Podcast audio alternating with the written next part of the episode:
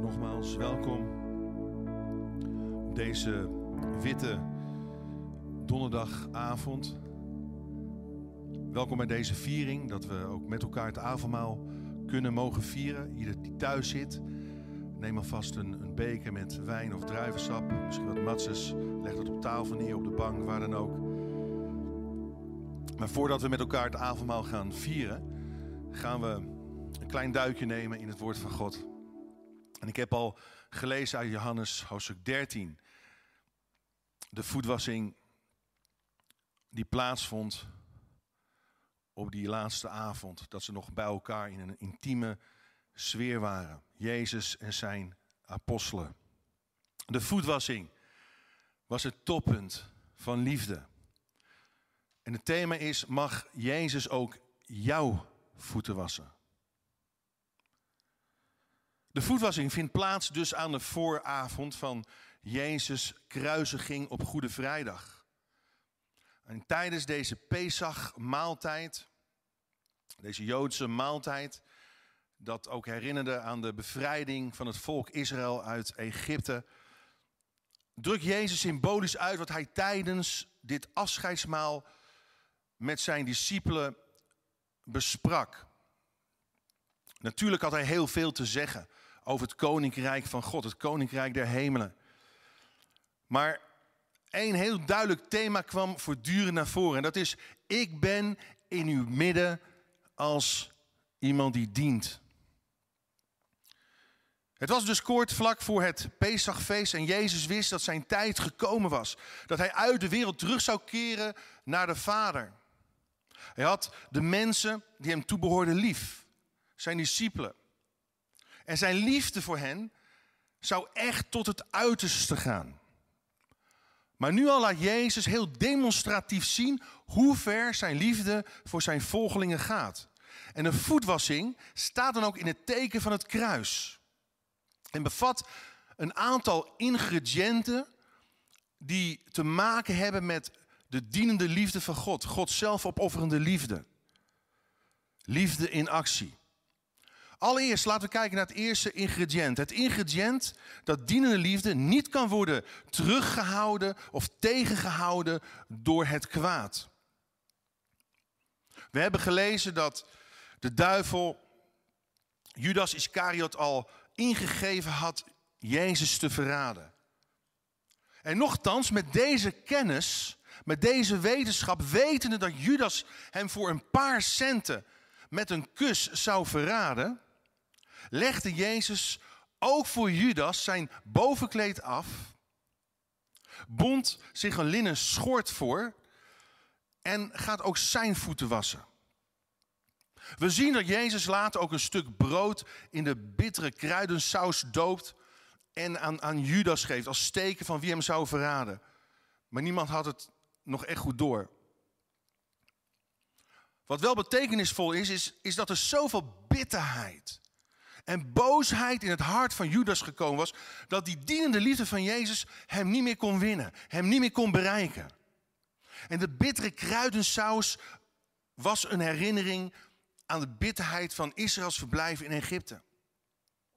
En dat stukje brood, dat zal ook een bittere brok in zijn keel en in zijn hart worden. Weet je, voor de prijs van een slaaf heeft Judas de meeste verraden. En zijn ziel aan de duivel verkocht. En toen Jezus dat brood gaf aan Judas en, en Judas nam dat stukje brood aan, nam de duivel bezit van hem.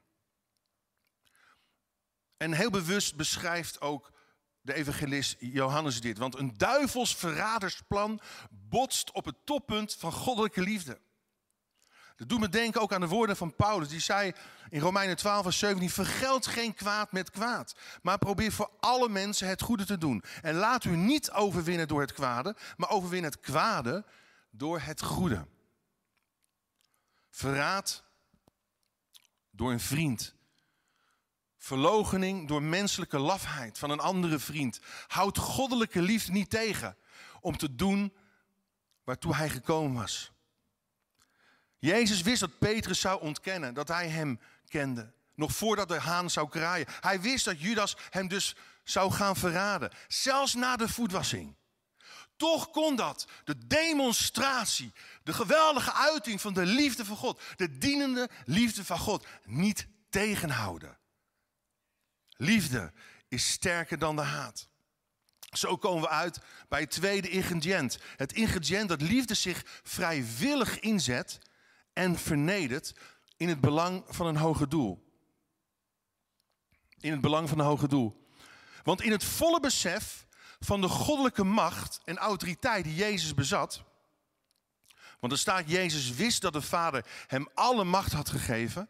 Gaat Jezus zich doelbewust vernederen tot het uiterste. En onderwierp hij zich aan de behoeften van zijn discipelen. Paulus, hij beschrijft het als volgt. In Filippenzen 2 vers 7, hij heeft zijn grootheid opgegeven. Door de gestalte van een slaaf te aanvaarden. En aan mensen gelijk te worden. Zo is de voetwassing veel meer dan een symbolische handeling, veel meer dan een voorbeeld. Het is een programma van een dienend leven. Want het leven van Jezus was een en al dienst. En in nederig slavenwerk demonstreert Jezus zijn absolute grootheid. Hij wist wat hem te wachten stond. De kruisdood. Waar hij voor jou en mij tot zonde werd gemaakt. Hij wist tegelijkertijd ook waar hij het voor deed. Hij had gezegd in Johannes 12, vers 32, wanneer ik omhoog geheven ben van de aarde, en dat duidt op zijn kruisiging, zal ik alle mensen naar mij toetrekken. Hij wist waar hij het voor deed. Het belang van de mensheid stond op het spel.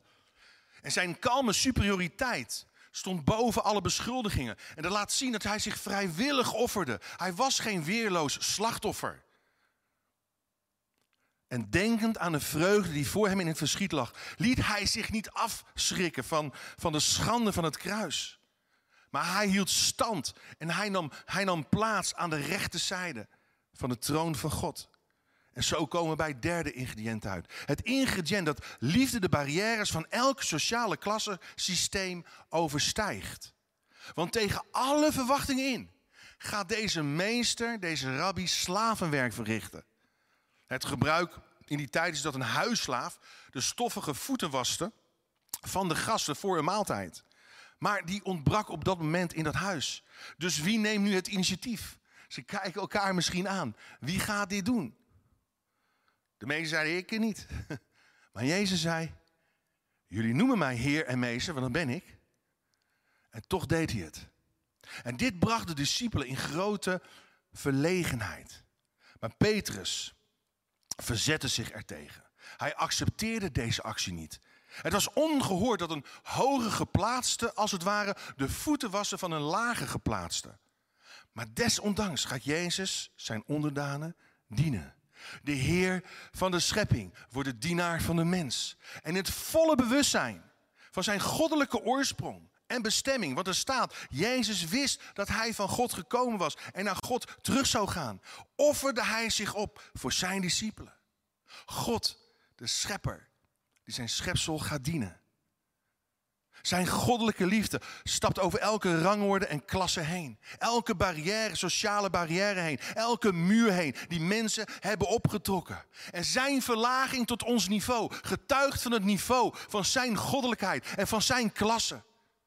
En Paulus omschreef het als volgt in Galaten 3 vers 27. De doop, lieve mensen, heeft u allen met Christus verenigd. U hebt Christus aangetrokken als een kleed. Het kleed van een dienaar. En het doet er niet meer toe of u Jood bent of Griek. Slaaf of vrij mens. Man of vrouw. Want samen vormt u een eenheid in Christus Jezus. Maar terwijl de discipelen bezig waren te bedenken wie de grootste zou worden in het koninkrijk van God. Wie naast Jezus op de troon zou zitten als Jezus zijn koningschap zou opeisen in Jeruzalem. Toen begon Jezus de voeten van de discipelen te wassen. En ze af te drogen met een doek. Ja, ze waren klaar om te vechten voor de troon, maar niet om te dienen met een theedoek. Ze stonden een avond voor de kruising nog steeds in de vechtmodus in plaats van in een dienmodus. Dat leidt ons tot het vierde ingrediënt. Het ingrediënt Dat liefde zich door God laat bedienen om ten volle deel te kunnen hebben aan Jezus.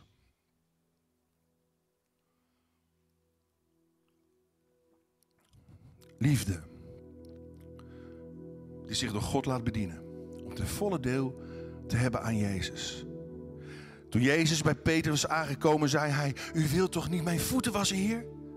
Dat gaat niet gebeuren. Dat gaat. Dat gaat niet door. Dat ga ik in geen geval toelaten.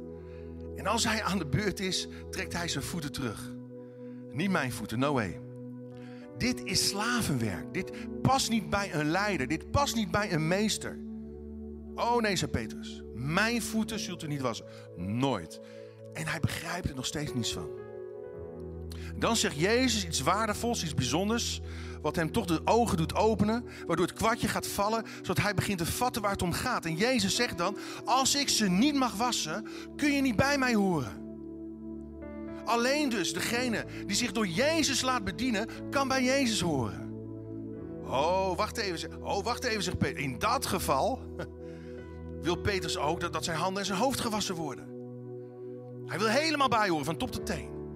Ja, dat, dat hoeft ook weer niet, zei Jezus. Want kijk, dat had te maken ook met een stukje achtergrond. Ze kwamen eh, vanuit de tempel weg en ze hadden zich al waarschijnlijk al gereinigd voor, voor deze maaltijd. Maar, maar Jezus heeft het over een ander soort reiniging. De reiniging van discipelschap. Waar komt het op neer? Met ongewassen voeten. Ofwel, zonder Jezus dienende liefde te accepteren, kan aan Petrus geen toegang worden verleend tot het koninkrijk van God. Met andere woorden, Petrus moet accepteren, en dat geldt voor elke discipel, dat hij leeft van de dienende liefde van Jezus. Die zich tot het uiterste opoffert. Anders kan hij geen deel hebben. Als hij dit niet accepteert in zijn hart, in zijn leven. De les is deze, lees mee. De beste dienst van ons aan Jezus is allereerst dat we zijn dienst aan ons gewillig en dankbaar toelaten. Heer, reinig mij maar, maak mij maar klaar. Rust mij maar toe zodat ik kan uit gaan stappen. God wil ons bedienen voordat wij zelf tot de bediening overgaan. Want als wij niet bereid zijn om ons te laten bedienen, als wij geen tijd nemen om bij Jezus te zijn, dan ontspoort ons dienen tot oppervlakkig activisme. Dus ben je bereid vanavond, vandaag, om je door Hem te laten bedienen? Of denk je dat niet nodig te hebben? Heg je belang aan Zijn tegenwoordigheid of hecht je weinig of geen belang aan zijn aanwezigheid in je leven? En heel veel mensen, inclusief ikzelf, hebben moeite om zich door Jezus te laten bedienen. Om, om voor de voeten van Jezus te zitten zoals Maria deed. En die woorden van Jezus te absorberen in haar leven. Op te nemen in haar leven. Om zich te laten vullen met de nabijheid van God. Ze zijn zo in beslag genomen. Door een veelheid aan dingen. Wie is de grootste? Wie is de beste? Wie is de slimste? Wie is de sterkste? Wie is de rijkste? Wie is dit? Wie is dat? Wie is de populairste? Wie is de mooiste? Dat mensen aan het aller, allerbelangrijkste voorbij gaan. Weet je, het is goed om je door Hem te laten bedienen. Om je te laten reinigen door Zijn tegenwoordigheid. We kunnen in die zin alleen een ander dienen als we eerst zelf bediend zijn. Als we eerst zelf gevuld zijn. Als we eerst zelf opgeladen zijn door de Heilige Geest. Pas dan kunnen we het schort van nederigheid gaan aantrekken. Pas dan zijn we in staat ons niet te laten overwinnen of tegen te houden door bitterheid en, en kwaadheid van mensen. Pas dan zijn we in staat om mensen, alle mensen te eren, van welke sociale afkomst ze ook zijn of van welk ras ze ook zijn. En pas dan kunnen we ten volle en ten diepste deel hebben aan het leven en de liefde van Jezus Christus. Dat is waar het op aankomt. Ik wil eindigen met de volgende woorden. Aan de voet van het kruis. Aan de voet van het kruis groeit de bereidheid om elkaar de voeten te wassen. Wat staan we soms zo snel klaar om elkaar de oren te wassen in plaats van de voeten te wassen. Alleen de dienende liefde van Jezus maakt een duurzaam samen zijn met elkaar en een eeuwig samen zijn met Hem mogelijk. Dat is de weg. Dat is de koninklijke weg. De weg die Paulus aanwijst, de hogere weg, de weg van de liefde, agape, de weg van Jezus. Zullen we onze hoofden buigen, onze ogen sluiten, Heer Jezus. We hebben deze dienende liefde zo hard nodig. In onze hart, in onze levens. We zijn vaak zo vervuld met onszelf, vervuld met allerlei dingen die op ons afkomen. Het hoeven ook niet per se slechte dingen te zijn, maar we kunnen zo vervuld zijn met misschien vooroordelen, met, met, met beschuldigingen, met, met veroordelingen naar, naar andere mensen toe. Maar Heer, maak ons leeg van onszelf en vol van U. En reinig onze gedachten, onze gevoelens. Zodat we in onze daden zuiver, oprecht en authentiek mogen zijn. Heer, dank u Jezus dat u ons een voorbeeld hebt achtergelaten. Maar het is meer dan een voorbeeld. Het is een, het is een levensstijl. En ik bid, Heer, dat we, als we het avondmaal gaan vieren, daarvan bewust mogen zijn wat u deed. De koning der koningen, de heren de heren, die zich zo vernederde voor ons. Maar u bent gehoorzaam gebleven tot aan de dood van het kruis. Daarom hebt u de naam boven alle naam gekregen, de hoogste titel die er in het universum kan zijn. De Heer. Heer wil ik, zo wil ik in ieder zegenen. In Jezus' naam. Terwijl we ons gaan richten op u. In het volgende lied. In aanbidding. Zo wil ik je zegenen. In Jezus' naam.